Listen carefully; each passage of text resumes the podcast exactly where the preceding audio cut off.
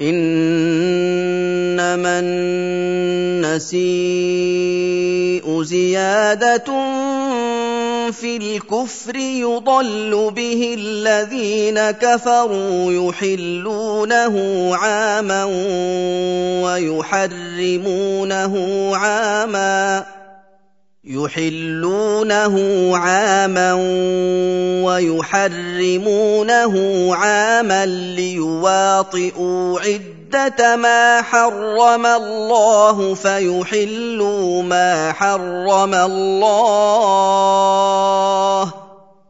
زين لهم سوء أعمالهم. والله لا يهدي القوم الكافرين Sesungguhnya, menunda keharaman bulan haram ke bulan lain yang tidak haram dan menjadikannya sebagai penggantinya, seperti yang dilakukan oleh orang-orang Arab di masa jahiliyah, merupakan kekafiran yang menambah kekafiran mereka kepada Allah, karena mereka telah mengingkari ketentuan hukum Allah tentang bulan-bulan haram. Kebiasaan buruk itu digunakan oleh setan untuk menyesatkan orang-orang yang ingkar kepada Allah. Mereka menghalalkan bulan haram selama setahun dengan cara menggantinya dengan bulan lain di luar bulan haram dan mempertahankan keharaman bulan haram selama setahun agar sesuai dengan jumlah bulan-bulan haram yang telah ditetapkan oleh Allah, walaupun nama-nama bulannya berbeda. Jadi setiap kali mereka menghalalkan satu bulan haram, mereka mengharamkan satu bulan halal sebagai gantinya. Dengan demikian, mereka menghalalkan bulan-bulan haram yang telah Allah tetapkan dan melanggar ketentuan hukumnya.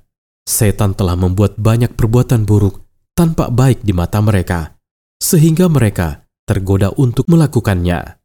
Salah satunya ialah perbuatan mereka yang menunda pelaksanaan bulan haram ke bulan lainnya dan Allah tidak akan memberikan bimbingannya kepada orang-orang kafir yang bersikeras mempertahankan kekafirannya. يا ايها الذين امنوا ما لكم اذا قيل لكم انفروا في سبيل الله اثاقلتم الى الارض أرضيتم بالحياة الدنيا من الآخرة فما متاع الحياة الدنيا في الآخرة إلا قليل Wahai orang-orang yang percaya kepada Allah dan Rasul-Nya dan menjalankan syariatnya, kenapa kalian, jika kalian diajak berjihad di jalan Allah, untuk berperang melawan musuh, kalian menjadi malas dan memilih tinggal di rumah. Apakah kalian merasa puas dengan kesenangan hidup di dunia yang sementara dan kenikmatannya yang terbatas dan mengabaikan kenikmatan hidup di akhirat yang kekal dan abadi yang disiapkan oleh Allah untuk orang-orang yang berjihad di jalannya? Kesenangan hidup di dunia terlalu kecil bila dibandingkan dengan kesenangan hidup di akhirat. Jadi, bagaimana mungkin orang yang berakal sehat memilih sesuatu yang sementara dibanding sesuatu yang kekal dan mengutamakan sesuatu yang kecil dibanding sesuatu yang besar? إلا تنفروا يعذبكم عذابا أليما ويستبدل قوما غيركم ولا تضروه شيئا والله على كل شيء قدير Jika kalian, wahai orang-orang mukmin, tidak mau pergi berjihad di jalan Allah untuk berperang melawan musuh, niscaya Allah akan menghukum kalian dengan kekalahan, kehinaan, dan lain-lain. Dan Allah akan mengganti kalian dengan orang-orang yang taat kepada Allah, yang apabila mereka diajak pergi berjihad, mereka pasti berangkat. Dan Allah sama sekali tidak merugi dengan sikap kalian yang melanggar perintahnya, karena dia sama sekali tidak membutuhkan kalian, sedangkan kalian sangat membutuhkannya, dan Allah Maha Kuasa atas segala sesuatu. Tidak ada sesuatu yang dapat melemahkannya. Dia sanggup menolong agamanya dan nabinya tanpa kalian. إلا تنصروه فقد نصره الله إذ أخرجه الذين كفروا ثاني اثنين إذ هما في الغار.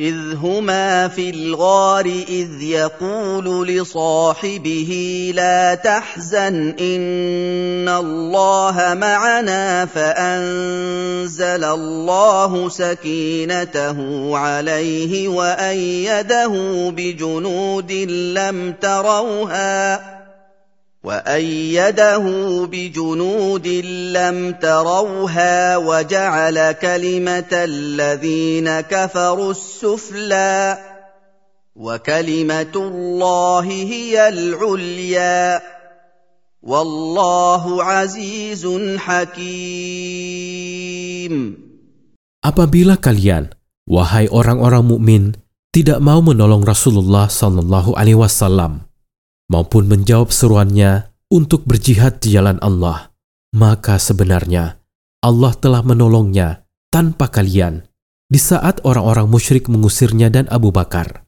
radhiyallahu anhu. Ketika itu, keduanya bersembunyi di dalam gua sur untuk menghindari kejaran orang-orang kafir, yaitu ketika Rasulullah Shallallahu Alaihi Wasallam bersabda kepada sahabatnya, Abu Bakar As-Siddiq, tak kala ia mencemaskan beliau. Kalau-kalau orang-orang musyrik berhasil menemukan beliau, jangan bersedih. Sesungguhnya Allah bersama kita melalui dukungan dan pertolongannya. Kemudian Allah menurunkan ketentraman ke dalam hati Rasulullah dan juga menurunkan bala tentara yang tidak bisa mereka lihat, yakni para malaikat untuk mendukung beliau. Dan Allah pun menjadikan kalimat orang-orang musyrik jatuh ke tingkat terbawah dan membuat kalimat Allah naik ke tingkat tertinggi ketika dia menjunjung tinggi agama Islam. Dan Allah maha perkasa di dalam zatnya, kekuasaannya, dan kerajaannya. Tidak ada seorang pun yang dapat mengalahkannya, lagi maha bijaksana dalam pengaturannya, ketetapannya, dan ketentuan syariatnya. Faidah dari ayat-ayat di atas. Pertama, kebiasaan-kebiasaan buruk yang menyelisihi syariat yang dilakukan terus-menerus tanpa diingkari, membuat keburukannya terangkat dari jiwa masyarakat, dan bisa jadi selanjutnya ada yang memandangnya sebagai kebiasaan yang baik. Kedua, tidak berangkat saat seruan umum untuk berjihad dikumandangkan termasuk dosa besar yang mendatangkan hukuman Allah yang paling berat karena ia mengandung mudarat yang berat. Ketiga, keutamaan ketenangan dan bahwa ia adalah kenikmatan dari Allah yang sempurna kepada hamba-hambanya di saat-saat sulit dan takut yang membuat hati menjadi tenang, serta bahwa ia kembali kepada kadar pengetahuan hamba terhadap Tuhannya, kepercayaannya kepada janjinya yang benar, dan berdasarkan iman dan keberaniannya. Keempat, kesedihan bisa terjadi pada sebagian hamba-hamba pilihan Allah yang termasuk kalangan siddiqin, khususnya saat khawatir lenyapnya sebuah kemaslahatan umum.